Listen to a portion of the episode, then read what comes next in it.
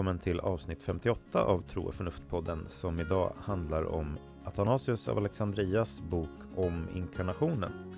Podden produceras av tidningen Sändaren i samarbete med Newman-institutet och teologiska fakulteten vid Uppsala universitet. Jag heter Kristoffer Skogholt och med mig har jag Erik Åkerlund och Peter Westermark. Varmt välkommen att lyssna.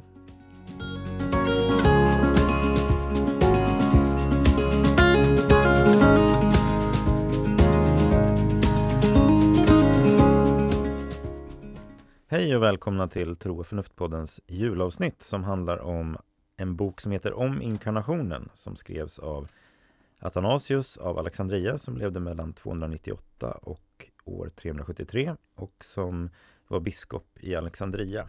Och eh, vi tänkte att det var en passande tematik då för, för julavsnittet och eh, vi tänkte dela upp det här avsnittet egentligen i tre huvudsakliga delar. Första delen så tänkte vi prata lite mer generellt om vad inkarnationsläran innebär. Och eh, efter det tänkte vi prata lite om olika analogier för att förstå inkarnationen. Och sen går vi in på Athanasius av Alexandrias bok och pratar lite om vem han var och hans argumentation i den här boken och vad, vad man kan ta med sig från den och vad man kanske tycker är mer frågetecken i boken och sådär.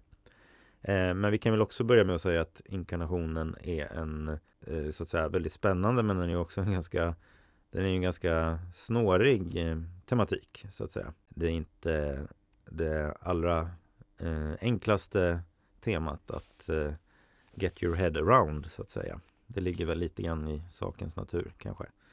Nej men man brukar väl säga att kristendomens två dogmatiska grundpelare eh, treenigheten och inkarnationen är ju också det största mysterier och det som har eh, gjort flest eh, förvirrade. Mm. och eh, mm. inte minst i, i, relation till andra religioner och traditioner. Mm. Så det är inte så konstigt att vi, även vi behöver fundera lite på hur man uttrycker detta och, och, förklara det på ett enkelt sätt. Men det är många som har gjort det genom historien. Mm. Nej, precis.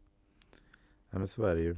Och eh, en första, vi tänkte väl här att vi kan ge lite olika hjälpsamma distinktioner för att, att närma sig den här, de här distinktionerna. Eller de här diskussionerna. Eh, en första distinktion som jag tycker är hjälpsam är en som C.S. Lewis har i sin bok eh, Mere Christianity. Där han skiljer på en lära och en teori om läran.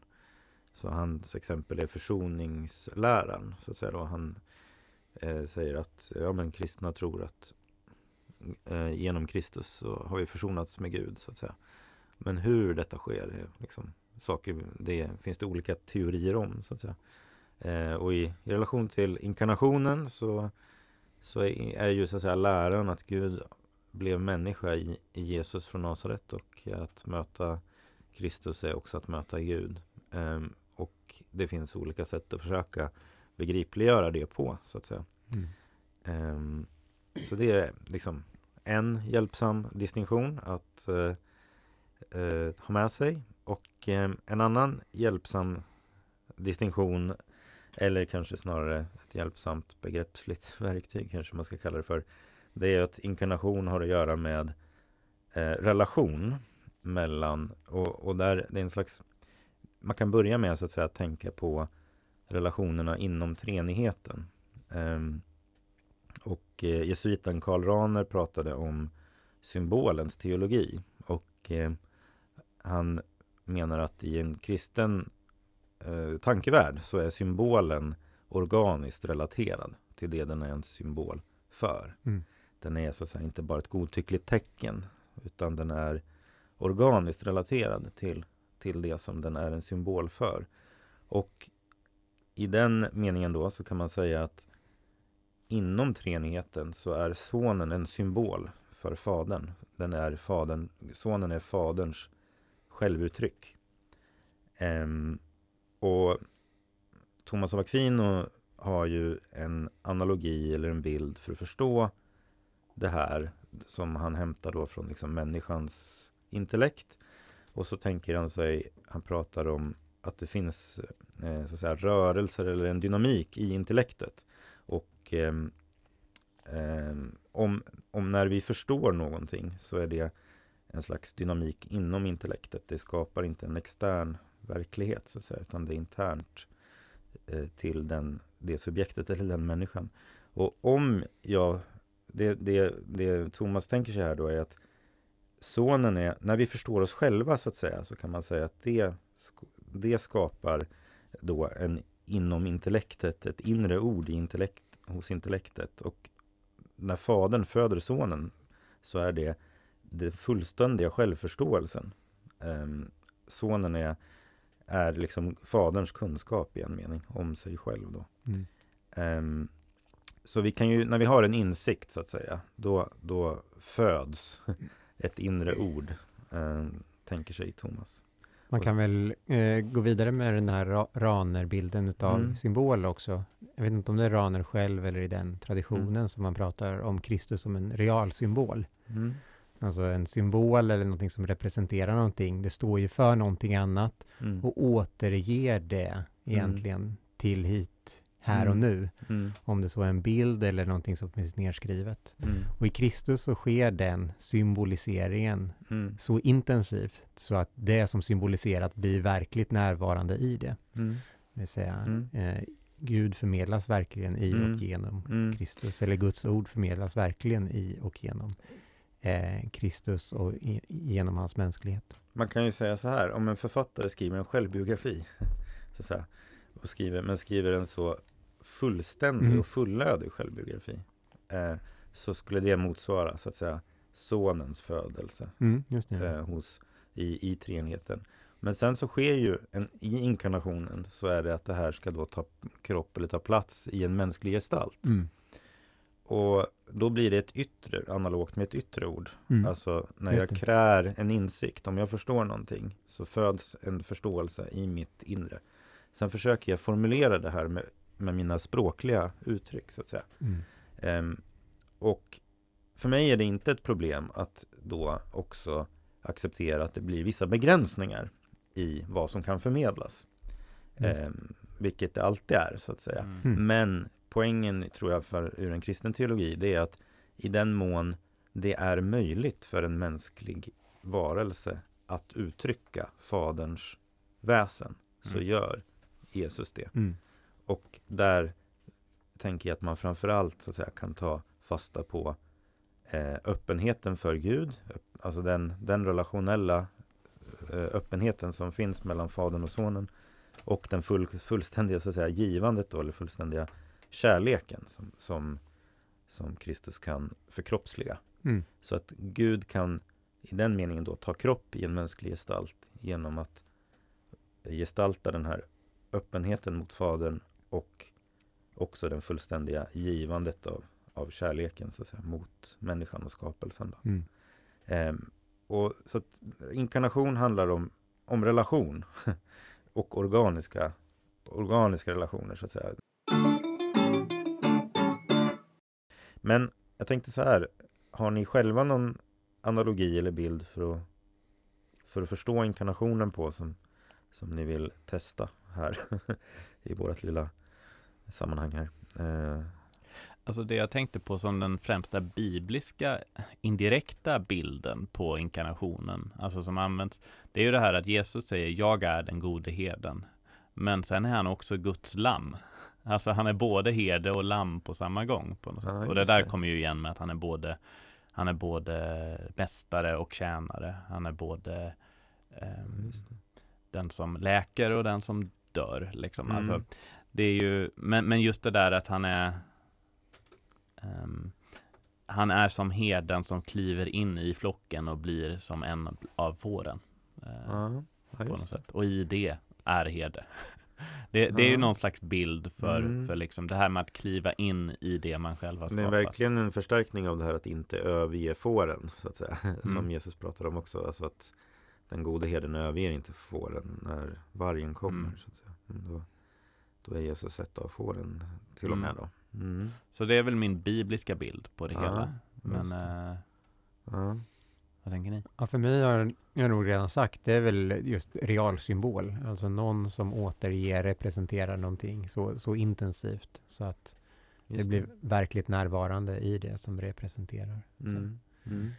Um, Ja, jag, tror, jag tänkte Peter, vad tänker du om templet då? För det är ju också någon slags fysisk biblisk Ja, bild. Så att Mm. säga. Ja, det har vi varit inne på i våra Genesis-avsnitt här, Ja, när vi pratat om, om templet. Och det är ju också en oerhört viktig bild i evangelierna, att Jesus är det nya templet. Och han blir ju till och med anklagad för att han vill riva ner templet och bygga upp det igen. Men det är hans kropp som Ja. är det nya templet. Ja, just det. I hans kropp så kommer det templet, vilket i sig är då ett mikrokosmos som återspeglar hela kosmos, Mm. makrokosmos. Ja, just det.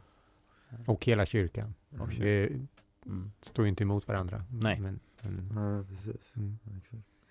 Ja, jag har en bild som, eh, som jag ehm, tyckt, har tyckt har varit hjälpsam. eh, och det är ungefär följande då. Alltså, om jag vill prata om dig Erik, eller referera till dig, så, säga, så kan jag ju peka på dig.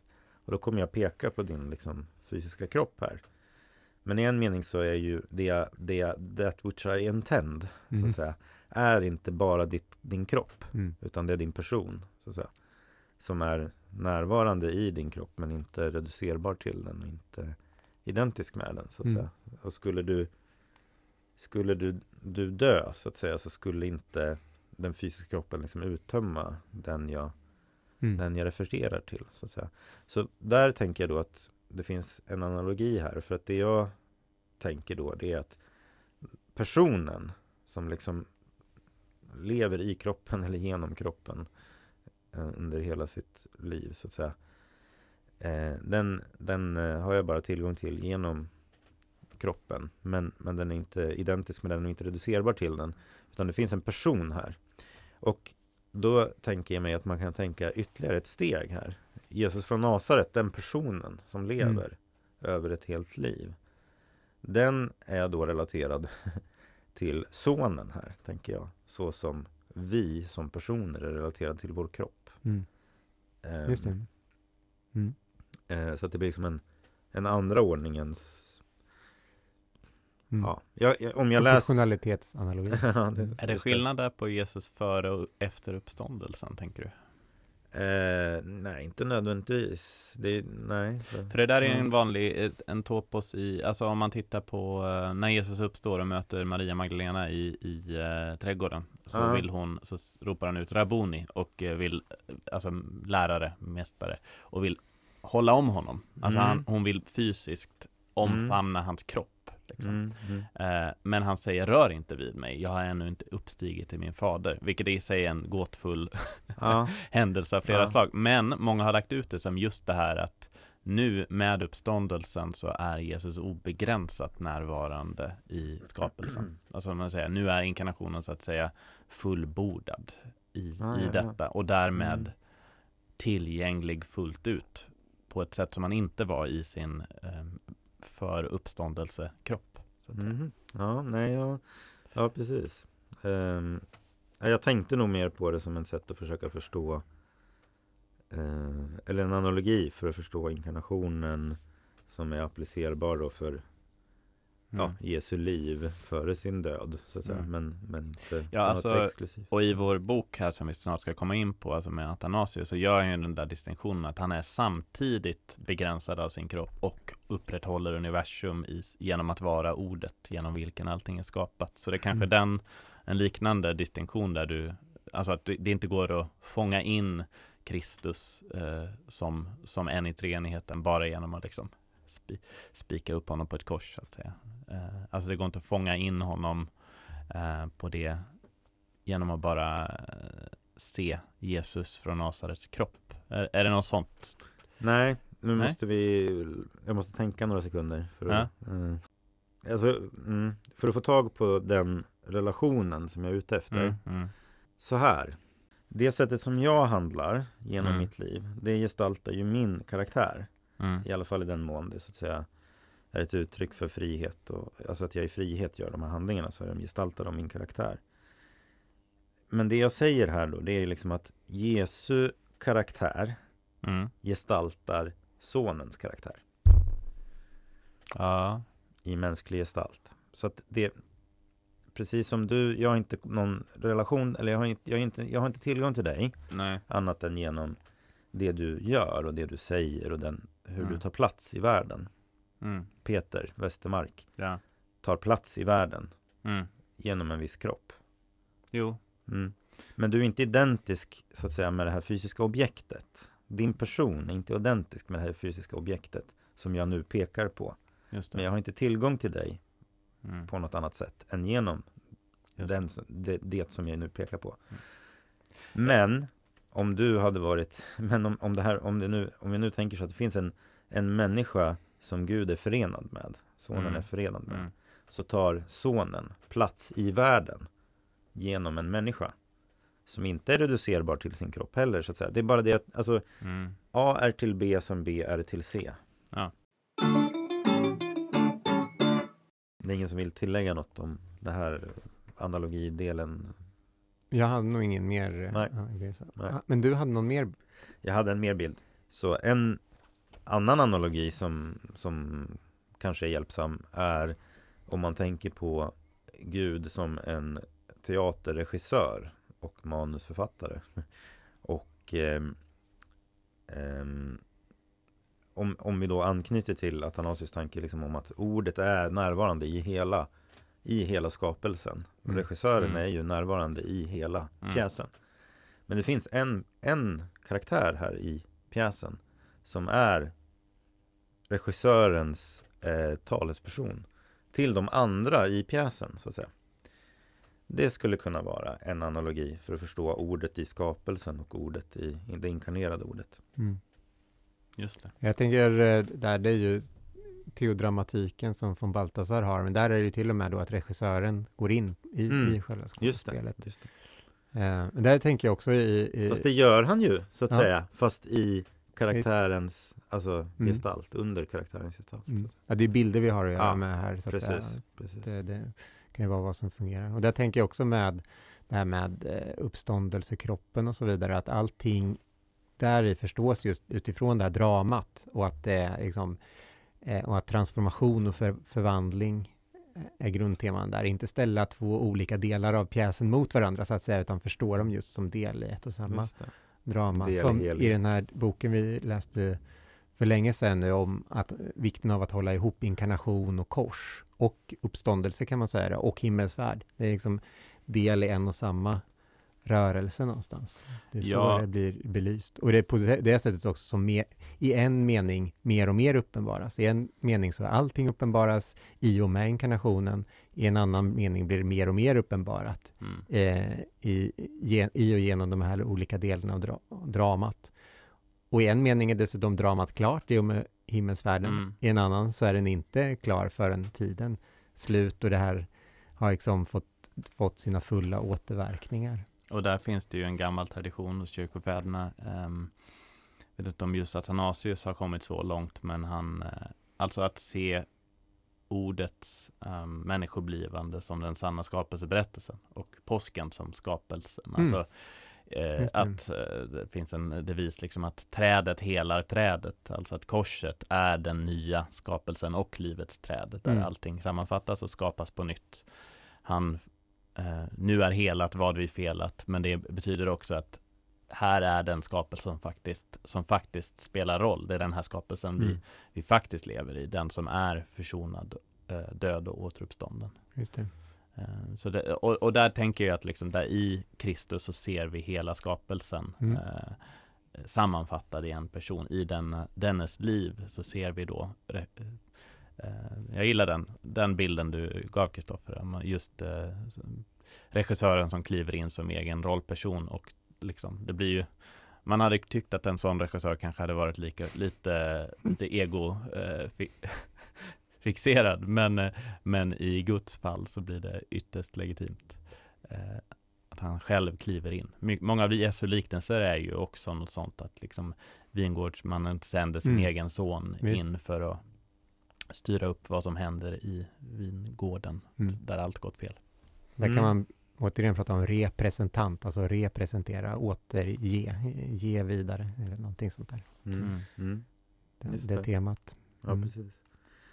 Ja, okej, okay. men då kanske det är läge att gå över lite till Athanasius och eh, hans bok. Och eh, Peter, du kanske kan ge oss en liten eh, crash course vem Athanasius mm var? Athanasius föddes omkring 297 efter Kristus och eh, dör 373.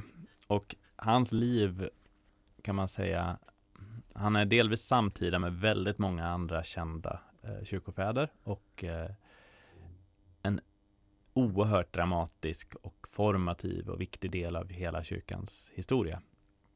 Eh, inte minst dess läroutveckling och spiritualiteten. Eh, och han blir ytterst eh, ansvarig själv för att vara med och forma det där. Och den här boken mot hedningarna och om inkarnationen, det är ett slags dubbelverk och vi har läst eh, framförallt då om inkarnationen. Den skrev han typ som 20 år gammal räknar man ut. Därför att han verkar på inget sätt påverkad av striden med Arius som sen kom att i princip eh, uppta hela hans livsverk, nämligen striden mot arianismen.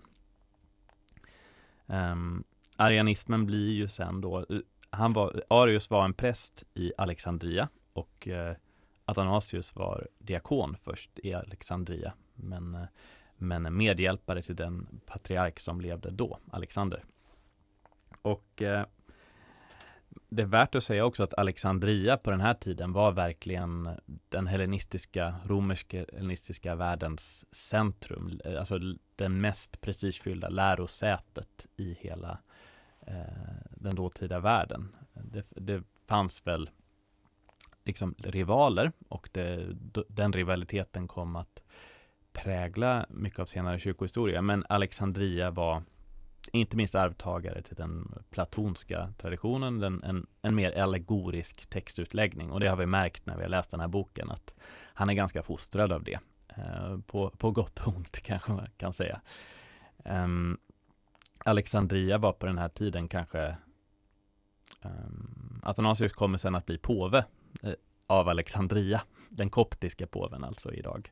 Men det här på den odelade kyrkans tid. Så att eh, men, men den titeln säger ju någonting om hur, vilka pretensioner Alexandria hade på den här tiden innan det um, faller utanför det romerska imperiets gränser, vilket ju hände då med islams intåg några hundra år senare. Mm. Uh, ja, det är väl lite kort om bakgrunden. Ska jag säga någonting om det här med Arius också, arianismen? Mm.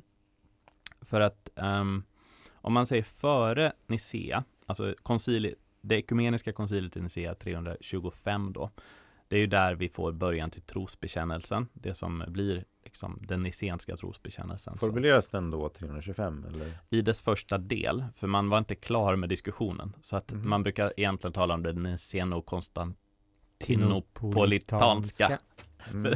trosbekännelsen okay. ja. från 381 eller ja, sånt där. Eh, det konciliet, det andra ekumeniska konciliet, då blir den klar. Mm. Men här mm. så behandlar man främst frågan om vem Jesus är. Alltså mm. hur Gud blev människa eh, och vad det innebär. 325 menar du? 325 så kommer man att eh, diskutera relationen mellan fadern och sonen. Sen diskuterar man anden. Och det, mm. det behöver vi inte gå in på det spåret idag. Men mm. det man kan säga om den här diskussionen som vi redan har berört mycket här, det är ju att den här distinktionen med hur relaterar fadern till sonen? Det blir huvudärendet. Och, och Arius då kommer in som en på ett sätt eh, konservativ teolog, eh, på ett sätt eh, nytänkande. Men han, han tycker att det är problematiskt det Athanasius säger. Han säger att, för han har ju skrivit den här då om inkarnationen och där han väldigt tydligt säger att det är Gud själv som blir människa.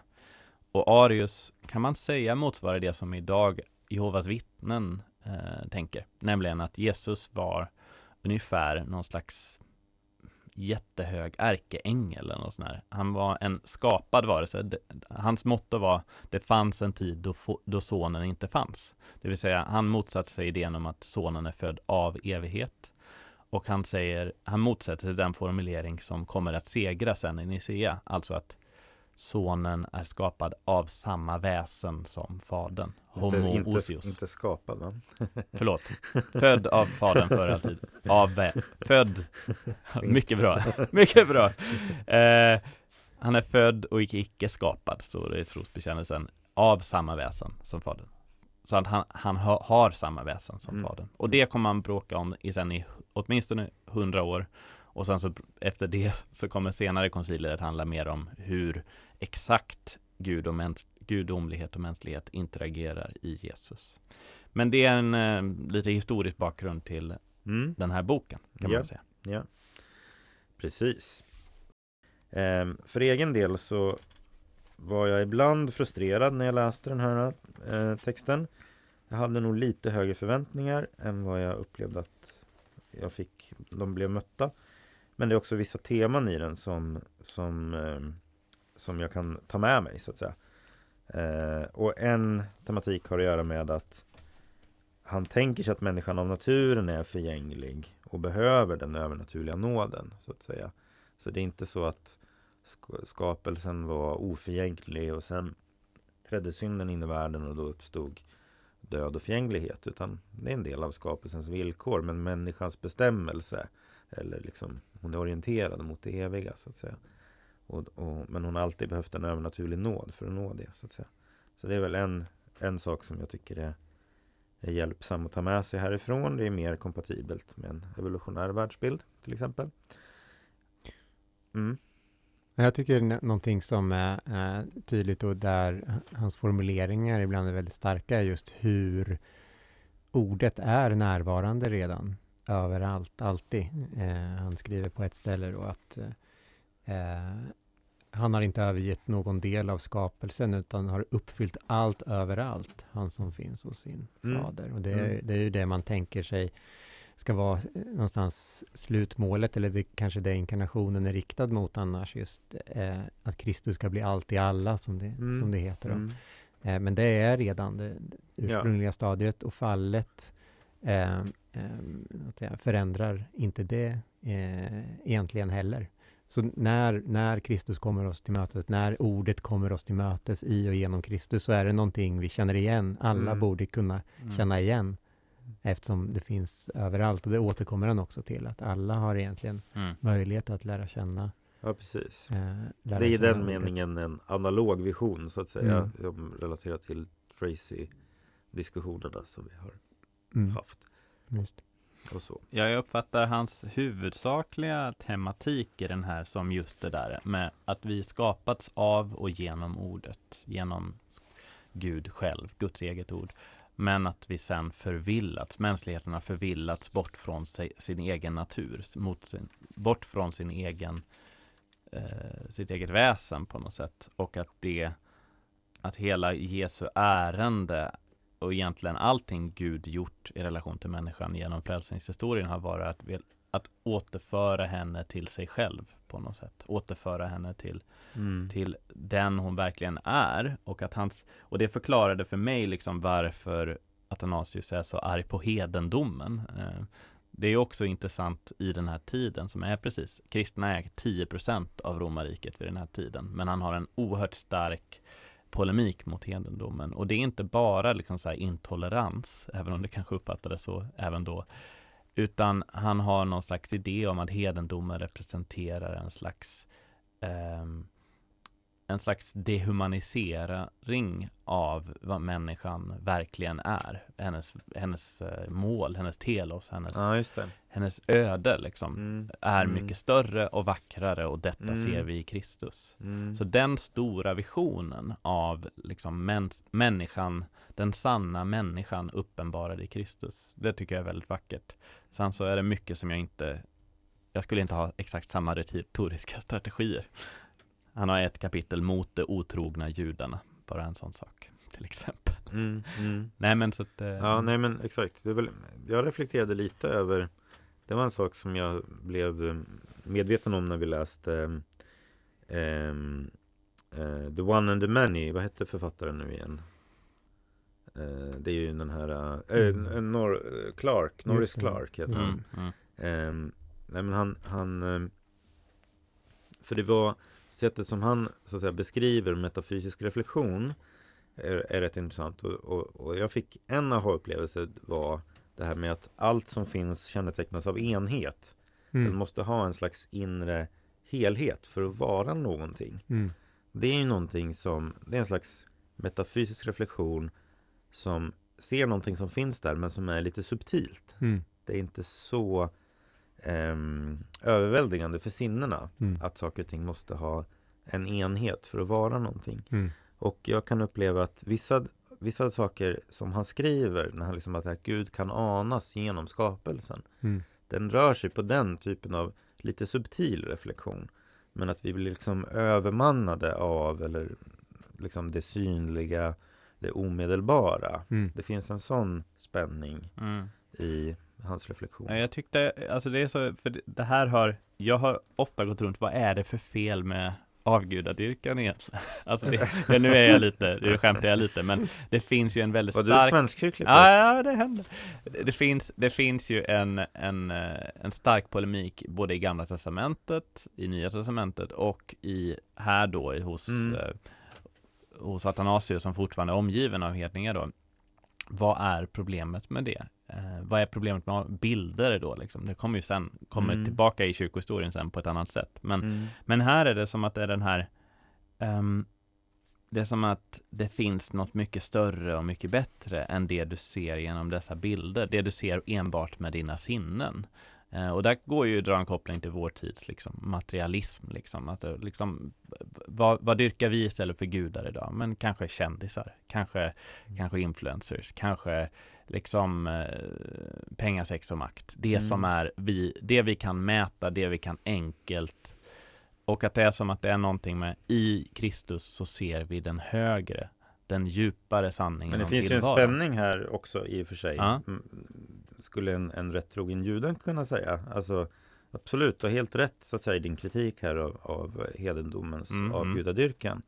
Men inkarnationen innebär ju att Gud har blivit eh, Synlig. människa och synlig och det vi har tagit på och sådär. Så det är en väldigt intressant fråga och jag tror att för egen del tänker jag att nyckeln till ett rätt förhållningssätt här det är just att bejaka den här eh, sakramentala principen. Alltså att du ser Gud genom Kristus Mm, mm, eh, i, någon, i någon mening. Alltså mm. man skulle kunna tänka sig ett avgudamässigt, en avgudamässig reception av kristendomen som så att säga skulle få till uttryck att vi tänker att vi alla kanske måste ha skägg eller liksom du vet Alltså att vi, vi Långt hår. Ja exakt, att vi, att vi förväxlar ehm, Ja i en mening att vi gör Jesus då till en fetisch så, snarare än till ett sakrament Mm. Vi måste så att säga, och i den meningen så får vi inte Mm. och- och i, när jag har läst den här, när Jesus säger rör, rör inte vid Mhm. mig mm, Så har jag nog läst det på det sättet faktiskt Alltså jag, det är ju en väldigt så här, Ja. symbolisk Ja. liksom, läsning av det hela Men liksom att det. det du försöker göra här nu är att liksom gripa om mig Ja. så att säga Men jag transcenderar ditt grepp Även fast Mm. jag är gripbar Just så att säga. Eh, så att, så att det, Gud, Gud har inte en definition, men Gud har ett ansikte. Mm. Det, det är någonstans Mm. det hela tiden. Och, Mm. och det där finns ju i kyrkans liturgi i det att grund i, i, i liturgin så har man ju kvar den här som inte alltid finns på det personliga planet, men att vi ber till Fadern genom Kristus i anden. Men att det är liksom det. genom anden och Kristus så fäster vi blicken mot det, det Mm. fullständigt ogreppbara och oändliga Mm, som finns mm. i Fadern. Mm. Men det, det kan vi bara göra genom Kristus. Men Mm. att även Kristus liksom i sitt djup pekar vidare mot Fadern på något Mm, sätt. Och det är mm. det som är hela hans väsen. Att Mm. peka tillbaka till den, till den, att ge äran till Fadern. Mm. Eh, och, och om vi stannar i Kristus så, så har vi därmed missat någonting i, i vad tillbedjarna är. Mm. Mm. Så det, är ju, det, det skulle kunna vara ett svar då till den eh, Jo, men exakt. judiska och islamska invändningen. Absolut, men jag tänker att det är en, en liksom nyttig eh, Ja. memento liksom, så att säga, Verkligen. att fundera lite över. Eh, en annan tematik som jag tänkte på i relation till det här du, du, du pratade om att, att du uppfattade ett spår här i Athanasius text som är att människan förminskar sig själv i en mening genom att tillbe de gudar hon själv har skapat. Mm, mm. Um, uh, då kommer jag att tänka på um, uh, jag kommer att tänka på Erik Schülts text som kom igår tror jag, Mm. Expressen om, uh, jag vet inte om ni har läst den. Jag har läst den. Men det är också, Erik? Ja. Man kan bara rädda det man älskar, heter den va? Ja, det var nog rubriken, ja, Mm. precis. Men, men det handlade ju ganska mycket om människosyn och världsbild, så att säga. Och att, eh, alltså ett, en av insikterna, han, han, han, hans reflektion utgår ju från en text, han, han hade hittat någon slags medborgarbok. och eh, du ska bli vuxen, eller du ska liksom bli, Mm. du ska bli en, en eh, existentiellt mogen kanske man skulle kunna säga. Mm. Och att han uppfattade det fanns en annan syn här på kultur och bildning som inte bara förströelse utan som Mm. någonting som hade liksom med din, Ska bli en del av den vuxna gemenskapen. Ja, Mm. Exakt, och att hitta en existentiell orientering. Mm. Att där du inte är i centrum, för världen är större än Mm. så. Och det är ju ett, väldigt intressant att tänka på. Mm. Alltså i relation till en viss typ av influencerkultur Mm. och så. Där projektet är jaget och ytan också. Mm. Väldigt mycket. Mm. Alltså jag tror att i den meningen är nog vår kultur rätt extrem skulle jag tro. Liksom Mm. med den typen av, av väldiga, Mm, mm. väldigt liksom mycket eh, fokus på ytan där. Mm. Kanske man Mm. kan säga. Eh, som jag tänker i alla fall hakar i den här ehm, kritiken kring, kring fokuset på det synliga. Då. Mm. Men det är Mm. väl kanske just att det synliga inte får peka hän då mot det osynliga så att säga. Som blir problemet. Ja, men det tror jag. Alltså, för det är ju någonstans, för mig innebär inkarnationsteologi inte, alltså det finns ju en extrem, extrem platonism som säger fokusera enbart på de osynliga, eh, skådade osynliga, det som är bortom det materiella fullt ut liksom. Men det, eh, liksom, och, och lämna den här världen, lämna kroppen, lämna det materiella. Men inkarnation är ju tanken på att Gud har klivit ner i det materiella och förenat sig med det. Mm. Och i det så finns ju också ett bejakande av det. Du var inne på det med sak- det sakramentala. Liksom att, att, det, att här så ges sakramenten. I brödet och vinet ser vi det sanna brödet och det sanna vinet Mm. som när det djupast får återspegla den Gud som det kommer ur. Och genom en sakramentalitet så, så får vi en ny blick på hela världen och hela världen blir en spegel för Guds härlighet. Och att det, det liksom Målet är inte att lämna världen utan att söka och finna Gud i allting och i, i det materiella. Eh, för då, då blir allting till slut en spegel och ett, ett ansikte för Gud. Eh, Mm. Att låta allt förenas med Gud kanske. Ja, exakt. Mm. Ja, och det är ju Mm. liksom det, det är någonstans också Athanasius ärende, tänker jag, liksom att ordet här visar skapelsens sanna telos, sanna Mm. genom att kliva in i den och liksom Mm. Mm. och han har ju den här bilden hela tiden av, av liksom läraren, Kristus som läraren. Han säger att ordet klev ner för att hela och lära. För att liksom sammanfläta, sammanfoga det som har varit brut, sönderbrutet och för att ge ett exempel för oss. Eh, Så att, eh, mm, det är eh, Mm. vackert, tycker jag. Mm. Mm.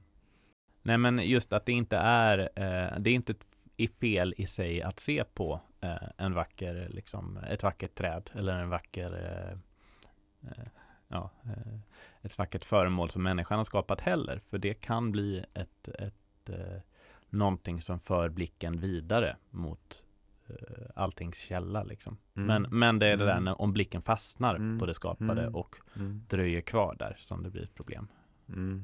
Ja, precis. Nej, men, och, fast, precis, och där är det också intressant att inkarnationen också kan fungera som en slags förståelse av att det vi betraktar som fult faktiskt är, är Mm. så att säga inte det, Just det. ur Guds, Just. alltså det, Mm. det, det är en intressant ehm, att, att ehm, det platonska tänker jag mig har Mm. stora problem med materiens skuggsidor och naturens skuggsidor. Mm. Mm. Mm. Och en del av inkarnationen är ju att Gud förenar sig och gör sig känd genom Det är ju en del av förvandlingen också. Vår blick för, föran, förvandlas och förändras. Just det. Nu är vi till exempel så vana vid att eh, se kors och ibland vack, vackra mm. krucifix när vi går in i en kyrka, mm. men det är det. En, en, en, en brutal bild egentligen. Eh, man mm. som hänger där. Men det, mm. vår blick, det är ett väldigt enkelt egentligen, men ett exempel på hur vår blick förändras och också utav att sätta svaga, fattiga i centrum, hur man mm. ordnar samhällen och så vidare. Mm. mm. En lång, eh, långsam och över lång tid förändring på, på många plan. Just det, precis. Mm. Som den här Tom Holland har varit inne på, mm. historiker. Mm. Mm. Ja, nej, alltså den platonska eh, devisen är ju att det sanna, det goda och det sköna hänger samman. Men då är frågan, vad är det, det sanna eh, och vad är det goda och vad är det sköna? Alltså det ibland väldigt, vår, väldigt est vår estetik, vår, min poäng är estetiken kan ju lätt göra då att korset, en, en avrättad man blodig på ett kors, är inte vackert, det är inte skönt. Eh, och därför borde det inte vara gott heller. Men någonstans så är ju liksom korset då ett tecken på när, när det är liksom som att Gud rekalibrerar den där, vad är egentligen vackert, rätt gott och sant? Och det är liksom den ingen har större kärlek än den som ger sitt liv för sina vänner. Eh, och då, då tänker jag att det är utgångspunkten för vad skönhet är någonstans. Så att, och, och vilket, som du säger Kristoffer, går i på viss tvärs med den, den tradition som fanns. Eh, där man kanske tillät sig att liksom trampa på vissa människor för att de inte var vackra. Men jag tror även där att det är bra att återknyta till just Athanasios ingång. Mm, liksom, mm. Ordet finns överallt. Det finns mm. hela tiden, alltid. Men det här är en intensifiering och en transformering utav mm. det. Och jag tror att det är en bra, bra sammanfattning och bild av hela inkarnationen och vad, vad som sker i det. Eh, just för att inte få den där dialektiken heller. Ja visst, det finns någonting låt säga, eh, eh, helt sant och rätt i, mm. I grekernas tänkande också. Men egentligen för att rädda det så måste det mm. transformeras och, och vidareförmedlas på det här eh, sättet och, mm. och, förändras så som det gör i Kristus, i inkarnation, kors, upphöjelse. Mm. Mm. Eh, mm. Men det är helt, helt sant, jag tror att det är helt sant, allting det här säga, förändras och förvandlas tillsammans. Mm. De första ska bli de sista och, och uh, uh, talet om, om så att Guds Saliga är de fattiga, saliga är de som hungrar, de som törstar, de som förföljs. Precis. Så det är en, mm. en för, förvandling och förändring. Men det tycker jag att man, när jag återkommit till den här texten, Athanasius uh, efter ett antal år så framstår för mig, men det har ju mer kanske min eh, utveckling göra då eh, de metafysiska delarna mer. Alltså att han är ganska metafysisk och filosofisk. Hur han mm, pratar om det här med ondska som frånvaro av gott. Eh, människan kommer av intet och reflektionen av just eh, skapelsen ur intet och vad det innebär för människan. och sånt där. Mm. Um, så där ser man ju verkligen anknytning till eh, en klassisk mm. filosofisk tradition. Apropå Alexandria som du var inne ja. på med att det, det var där den platonska traditionen också vidare fördes starkt. Mm. Det tycker jag man finns närvarande i texten också. Mm. Helt klart. Mm. Samtidigt som man ibland säger att de grekiska filosoferna vet inte vad de snackar om. Så mm. att det är ju inte så här att han helhjärtat bara säger det här är Men det finns ju den här eh, Det finns Det är liksom... väl en liksom- genre lite grann också kanske Alltså att man är lite som i brittiska underhuset liksom. Ja just det, precis. Ni så. vet inte vad ni snackar om. Och sen citerar man dem ändå liksom. Eh, Ofta så är det så att den man kritiserar måste man ha ganska mycket gemensamt med. Jag, mm. Naturligtvis mm. säger jag inte vad nu det skulle innebära, att han skulle ta hela deras tankegods och liksom acceptera det eller sådär. Men, men för att kunna kritisera mm. måste man ju stå ganska nära någon, annars är det ju bara irrelevant. Vilket också är varför Jesus bråkar mest med fariseerna i evangelierna, för att han tro, stod nog närmast dem av mm. de partier som fanns så att säga. Mm. Vad tänker ni om eh, död och uppståndelse som är det, är ju, det är ju någon mening så vi lever våra liv tänker jag hela tiden. Med olika dödar och uppståndelser och sådär. Mm. Men en del är ju väldigt obekväma tror jag att liksom koppla Jesu död och uppståndelse till till sådana saker eller liksom att det blir för immanent eller någonting Mm. sånt där. Själv tycker jag att det är ganska klargörande och eh, alltså att i någon mening så träder Gud in i den allmänmänskliga logiken. Mm. Liksom, på något sätt. Mm. Mm. Eh, men eh, Ja, I och med i och genom dopet, om man går via teologin, så har vi ju dött och uppstått mm, med Kristus. Mm. Men som med allting så är det både någonting som är förverkligat redan här och nu i och med dopet, men som också mm, ständigt måste ske om och om igen eh, mm.